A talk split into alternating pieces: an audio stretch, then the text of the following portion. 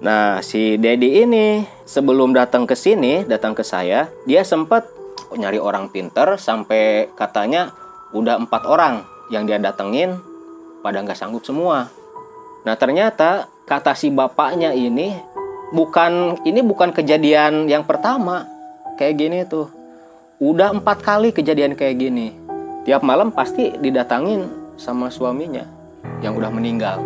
Kalau kamu, Dad, saya bilang tuh kalau kamu udah masih maksa tetap pengen nikah sama si ini neneng si neneng ini kamu jadi tumbal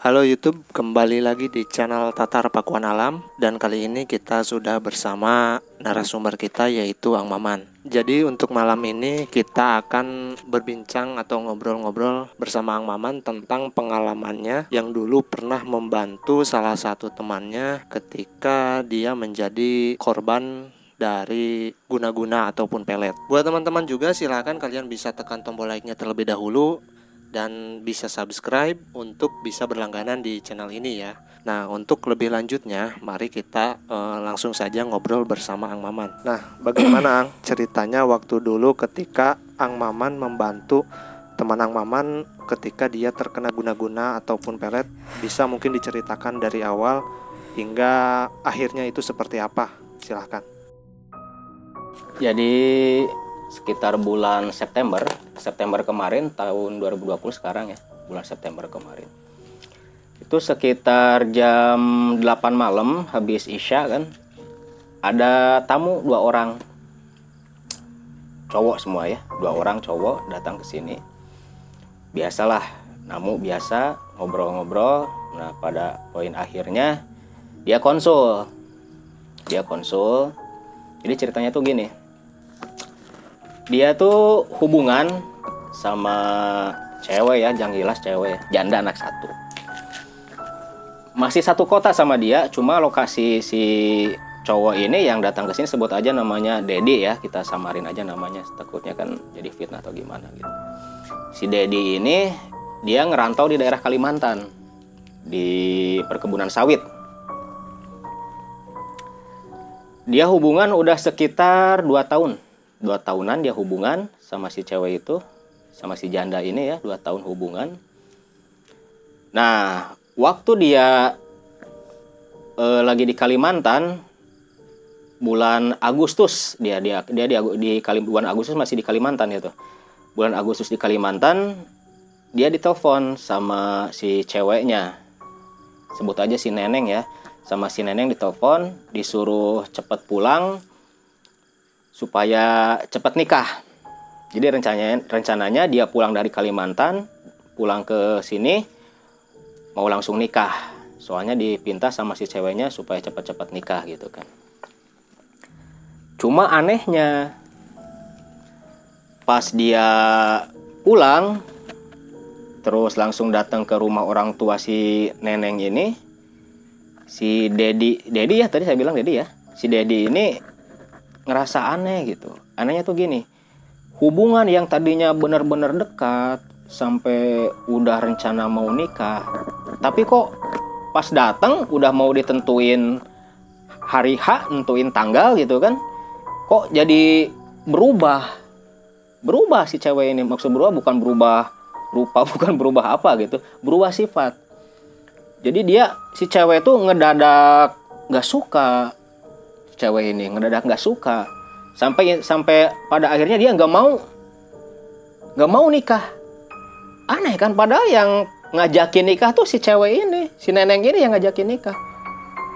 Tapi pas udah ketemu mau nentuin tanggal si neneng jadi nggak mau nikah.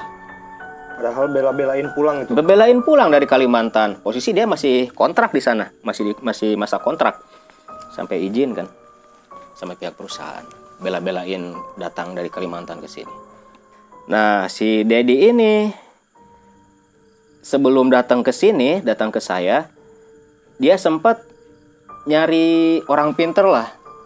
Oh, nyari orang pinter sampai katanya udah empat orang yang dia datengin pada nggak sanggup semua katanya tuh berat katanya jadi nggak jelas permasalahannya apa tiap nanya ke paranormal ke atau ke orang pintar dia nanya ini sebenarnya masalahnya apa? Itu jawabannya selalu samar. Nggak jelas. Nggak jelas gitu. Pada akhirnya dia datang ke saya diantar sama temennya yang memang temennya pernah datang ke sini gitu kan sam- ada permasalahan lain lah gitu. Datang ke sini konsul gitu kan. Ngobrol-ngobrol-ngobrol terus coba dong lihat fotonya dikasih lihat kan di HP lihat fotonya ih cantik. Pantesan lo ngebet ngebet banget kan? Gitu kan? Janda cantik anak baru satu. Setelah itu waktu konsul saya cek ya cek secara ruhani secara batinnya dicek. Pertama yang dicek si cowoknya kan. Pas saya cek ternyata ada unsur lain nih. Unsur lain yang memang mempengaruhi si Dedi ini sampai ngebet banget pengen nikah sama dia sama si neneng gitu. Saya tanya kamu selama hubungan gimana aja? Maksudnya gimana kang? Gimana? Maksudnya gimana tuh? Ya ceritain aja lah. Masalah eh, suka ngasih apalah apa gitu kan. Wah kalau masalah ngasih mah saya habis-habisan kan katanya tuh. Dia tiap minggu ngirim buat keperluan si cewek ini dari makannya sampai segala macamnya. Dia yang tanggung jajan anaknya biaya sekolah anaknya dia yang tanggung. Sampai kontrakan pun dia yang tanggung. Kontrakannya tuh sekitar 2 juta setengah per enam bulan. Kontrak perum gitu. Habis-habisan kang lah selama 2 tahun ini. Pokoknya kalau diutang hitung udah berapa puluh juta lah saya kasih ke si cewek ini gitu kan. Saya nggak nggak langsung bilang sama dia kalau kamu kena guna-guna kena kena pelet lah atau apa. Nggak langsung bilang. Jadi setelah kita bincang-bincang waktu kalau nggak salah hari Rabu dia tuh datang ke sini tuh hari Rabu malam Kamis. Ya udah eh, besok Kamis antar saya ke tempat cewek kamu ke tempat si neneng ini. Nah dia jemput ke sini sekitar jam 3 sore. Waktu asar kalau nggak salah. Kita habis sholat asar di sini terus berangkat ke sana. Kita nggak langsung ke rumah ceweknya langsung nemui dulu orang tuanya ke bapaknya. Sebenarnya ini ada apa?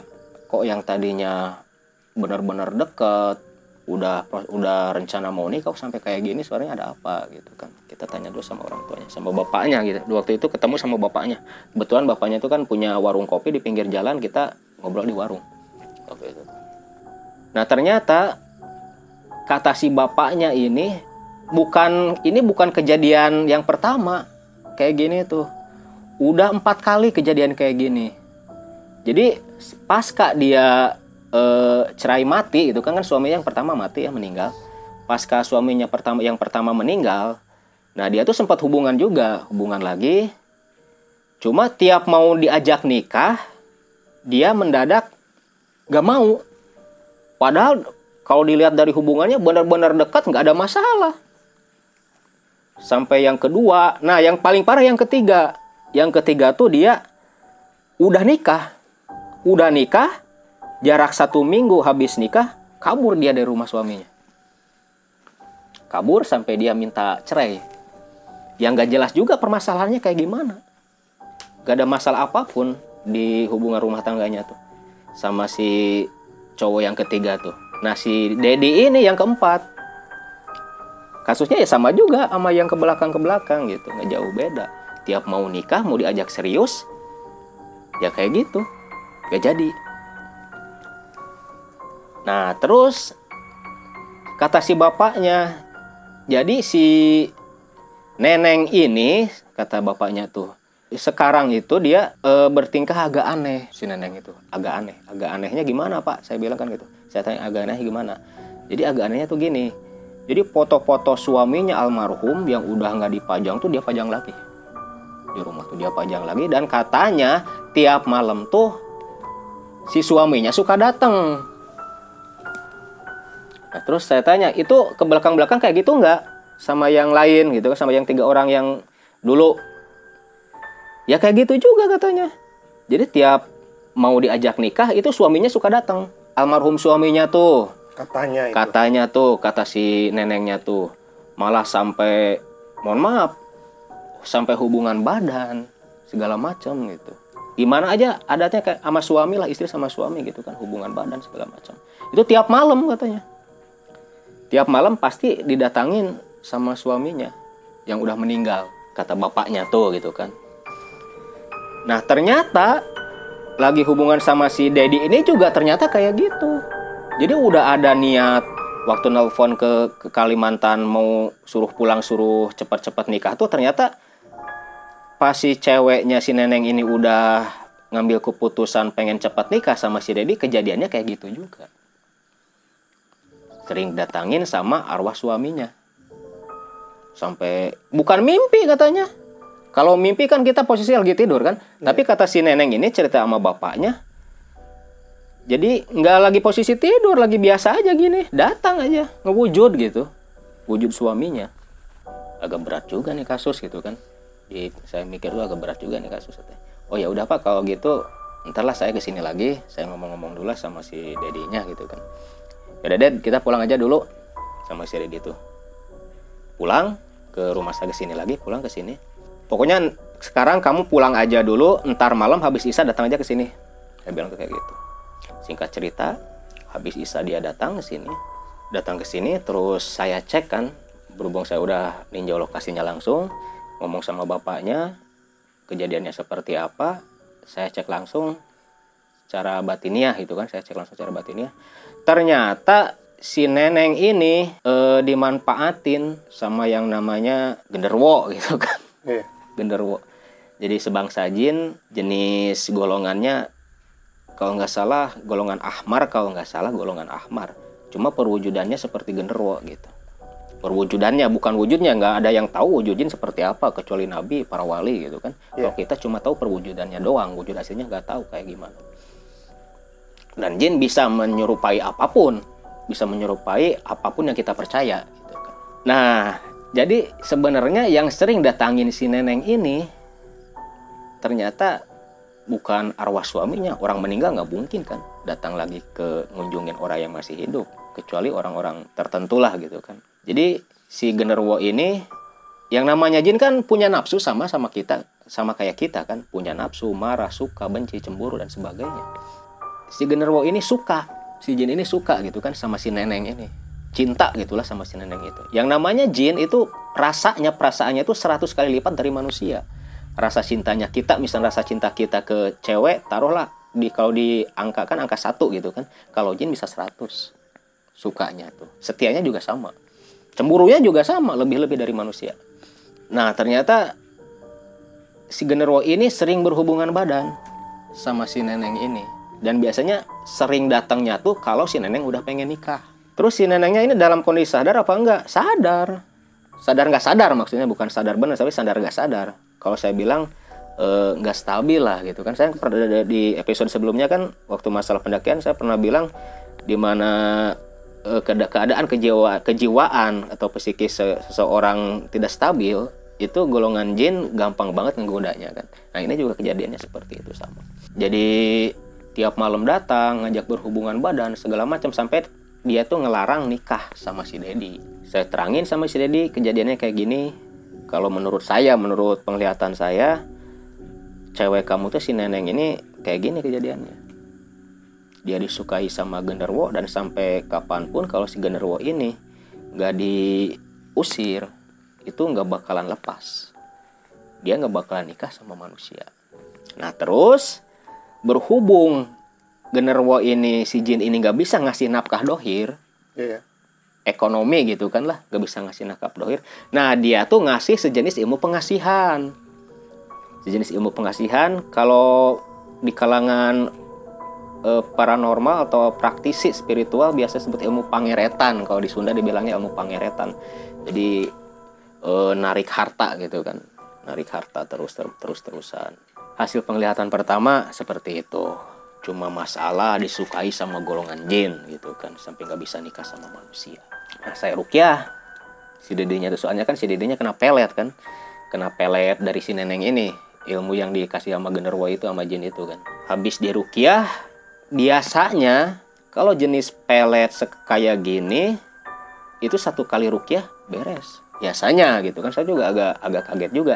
Ini si Dedi udah di rukyah sekali kok belum berubah gitu kan tetap aja masih uh, kasmaran sama si nenek itu masih ngebet masih menggebu-gebu pengen nikah sama si neneng. Sampai tetap bilang sama saya pokoknya kang gimana caranya supaya bisa saya bisa nikah sama si neneng? Si Dedi itu. Tuh bingung juga kan? Soalnya ini udah di luar kebiasaan gitu. Biasanya sekuat apa pun jenis peletnya gitu satu kali rukyah itu ada perubahan gitu kan.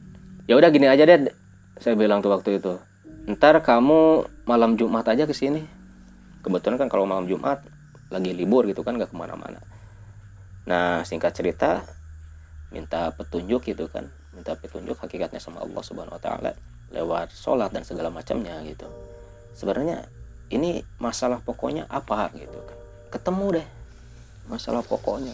Sebenarnya agak ekstrim juga gitu. Jadi pas si Dedi datang ke sini malam Jumatnya habis isya gitu kan. Gimana Kang? kata Dedi itu jadi gini Ded si neneng ini udah diangkat anak. Diangkat anak. Gimana maksudnya? Gitu kan? Maksudnya diangkat anak bukan diangkat anak sama manusia.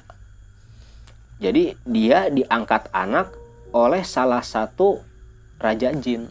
Siapa kang? Kamu tahu gedeng permoni nggak? Pernah dengar gedeng permoni nggak? Gitu kan. Namanya gedeng permoni. Ibunya tuh. Ratu dia tuh ratu golongan jin terus terang dan. Ama nggak sanggup maksud nggak sanggupnya tuh kalau masih proses mau diangkat jadi anak cuma hubungan doang gitu kan penyekutuan doang masih gampang. Ini udah dikasih mahkota udah dikasih mustika sama si gedeng permuninya ini tuh. Jadi dia dikasih satu mustika sejenis batu warnanya hitam hampir kayak gini hitamnya tuh. Dan mustika itu tuh salah satu ciri bahwa si neneng ini merupakan anak angkat dari Gedeng Permoni. Dan salah satu ciri juga mustika itu sebagai ciri kalau si neneng ini punya kuasa memerintah anak buahnya Gedeng Permoni. Anak buahnya yang kayak gimana? Ya itu yang perwujudannya kayak genderwo. Kalau kamu, Dad, saya bilang tuh kalau kamu udah masih maksa tetap pengen nikah sama si ini neneng si neneng ini kamu jadi tumbal. Jadi tumbal. Nah setelah saya cek juga ternyata mohon maaf si suaminya yang meninggal itu yang pertama ya jadi tumbal. Jadi tumbal si genderuwo itu si gedeng permoni itu jadi kejadiannya kata bapaknya waktu cerita-cerita si suaminya tuh bertengkar malamnya bertengkar sama si sama istrinya sama si neneng bertengkar terus tidur gak bangun lagi. Ketahuannya sekitar abis subuh yang biasanya sholat subuh ke masjid dia nggak bangun-bangun. Udah kejang dia posisi badannya kalau kamu maksa dan kejadiannya sama kayak suaminya yang almarhum kayak gitu. Terus gimana kang? Yaudah e, rukiah lagi aja. Mudah-mudahan aja rukiah yang sekarang ada hasilnya gitu. Nah waktu proses rukiah dari arah sebelah sana tuh? Berarti di sini? Di sini posisinya di sini. Rukiah di sini. Si kepalanya di sana dia kakinya di sini. Saya posisi di sini. Waktu ngerukiah tuh temennya duduk di sana temennya. Sekitar jam 12 malam kalau nggak salah. Jam 12 malam waktu proses rukiah itu dari arah dari atas dari sana jalan depan rumah itu terdengar jelas banget suara kereta kalau di kereta kencana ya kalau kayak Delman tahu Delman kan? Yeah. kayak Delman itu ada cleaningnya kan kerincing kerincing kerincing kayak gitu sama suara roda. Gimana aja Delman lagi mecut kuda. Lagi kenceng. Lagi kenceng. Suara kudanya juga kedengeran banget. Suara kudanya suara delmannya suara kerincingannya suara telapak kaki kudanya kedengeran banget jelas. Sampai saya juga waktu ngerupiah kaget gitu kan. Sampai kaget cuma kita terusin. Nah itu kalau nggak salah diamnya tuh di sebelah di bawah. Di jalan sebelah bawah. Gimana kang nggak masalah nih. Santai aja santai tenang. Istighfar aja istighfar aja. Saya bilang kayak gitu sama si itu pas saya keluar tapi memang nggak kelihatan secara dohir gitu kan. Secara goib kan kelihatan memang ada kereta kencana di bawah gitu kan. Pas saya lihat lebih jelas ah, ternyata yang mau jemput. Hampir ini si Dedi hampir mau dijemput. Oh itu mau dijemput? mau ngejemput si Dedi Untuk? jadi tumbal. Ngeri lah sampai temennya udah keringet dingin tuh. Ya. udah pokoknya badannya udah wah geter gitu kan. Saking kaget dia kan baru pertama kali mungkin denger yang kayak gitu. Soalnya dia aja denger jelas jadi bukan cuma saya doang sama si Dede yang denger. Temennya juga yang lagi duduk lagi ngopi denger gitu kan. Ada suara kereta kencana ke bawah gitu yang mau jemput. Nah pas saya keluar dia dia habis rukyah dia langsung duduk badannya bergetar jadi itu bergetar kerasanya panas katanya. Saya lanjutin lagi proses rukyah sampai alhamdulillah hakikatnya kuasa Gusti Allah kan Allah Subhanahu wa taala si Dedi bisa tenang gitu. Pikirannya tenang bergetar badan bergetar sampai diem lagi rileks lagi badannya gitu kan. Terus sudah minum dulu saya bilang tuh minum dulu kasih air putih minum santai rileks Allahu Akbar itulah kuasa Allah. Habis proses rukiah yang tadinya kayak orang kasmaran si Dedi ini ingat terus sama neneng. Hari saat itu juga dengan berkah berkahnya ayat-ayat Al-Quran kuasanya Allah Subhanahu Wa Taala hilang sama sekali. Yang tadinya ngebat pengen nikah selalu terbayang-bayang saat itu juga hilang. Nah saya juga pengalaman pertama lah nanganin orang yang awalnya cuma jadi korban pelet sampai pada poin akhirnya mau dibikin tumbal gitu kan. Barulah kalau kalau saya kalau saya itu jenis kasus baru lah kayak gitu gitu kan. Baru banget baru banget baru nanganin. Yang kayak gitu. Dan itu pada akhirnya bagaimana endingnya? Apakah si Dedi ini bisa tenang dan pulang dengan aman sampai sekarang atau bagaimana? ya nah itu memang ada kejadian lagi sih. Jadi waktu malam Jumat pulang dari sini setelah rukyah yang kedua habis dari sini selang empat harian dia nelpon Kang semalam katanya mau ngambil wudhu dia kan mau ngambil wudhu mau sholat malam. Dia denger juga di sana tuh denger suara keliningan kereta kencana juga. Aduh ya udah buru-buru aja ke sini. Saya bilang tuh takutnya kan ke sini nggak berani datangnya ke sono gitu kan. Dia ceritain sekitar tengah malam lagi ngambil wudhu ngambil air wudhu dia dengar kayak suara kereta kencana ya sama kayak waktu malam di Akang katanya tuh. Makanya langsung ngasih tahu Akang tuh takutnya saya dibawa gitu kan kata dia tuh. Ya udah saya rukyah lagi lah. Rukyah lagi. Habis rukyah nggak ada kej- alhamdulillah nggak ada kejadian apa apa waktu rukyahnya ada kalau siang mah jarang kejadian macam-macam gitu kan. Paling banter cuma kesurupan atau apa gitu kan. Terus saya kasih amaliah gitu kasih kasih amalan sejenis wirid gitu kan. Buat pertama istilahnya tuh bertobat gitu kan lah. Bertobat. Terus buat protek dia juga dari gangguan-gangguan yang sifatnya seperti itu. Setelah dikasih kasih amalia wirid dan segala macam seminggu ke depannya dia datang lagi alhamdulillah nggak ada kejadian apa pun. Lupa sama si pihak sama si neneknya lupa. Udah bener-bener lupa udah bener-bener nggak pengen lagi hubungan sama si neneknya gitu. Sampai sekarang. Sekarang juga masih sering kontekan sampai sekarang juga. Sering konsul lah atau segala macam ngobrol gitu. Kadang juga ke sini sewaktu-waktu datang ke sini. Barusan adalah pengalaman Amaman ketika membantu salah satu temannya yang terkena guna-guna ataupun pelet. Buat teman-teman juga silahkan kalian bisa tekan tombol like-nya terlebih dahulu dan bisa subscribe untuk bisa berlangganan di channel ini ya. Terus tonton channel Tatar Pakuan Alam dan saksikan video-video selanjutnya.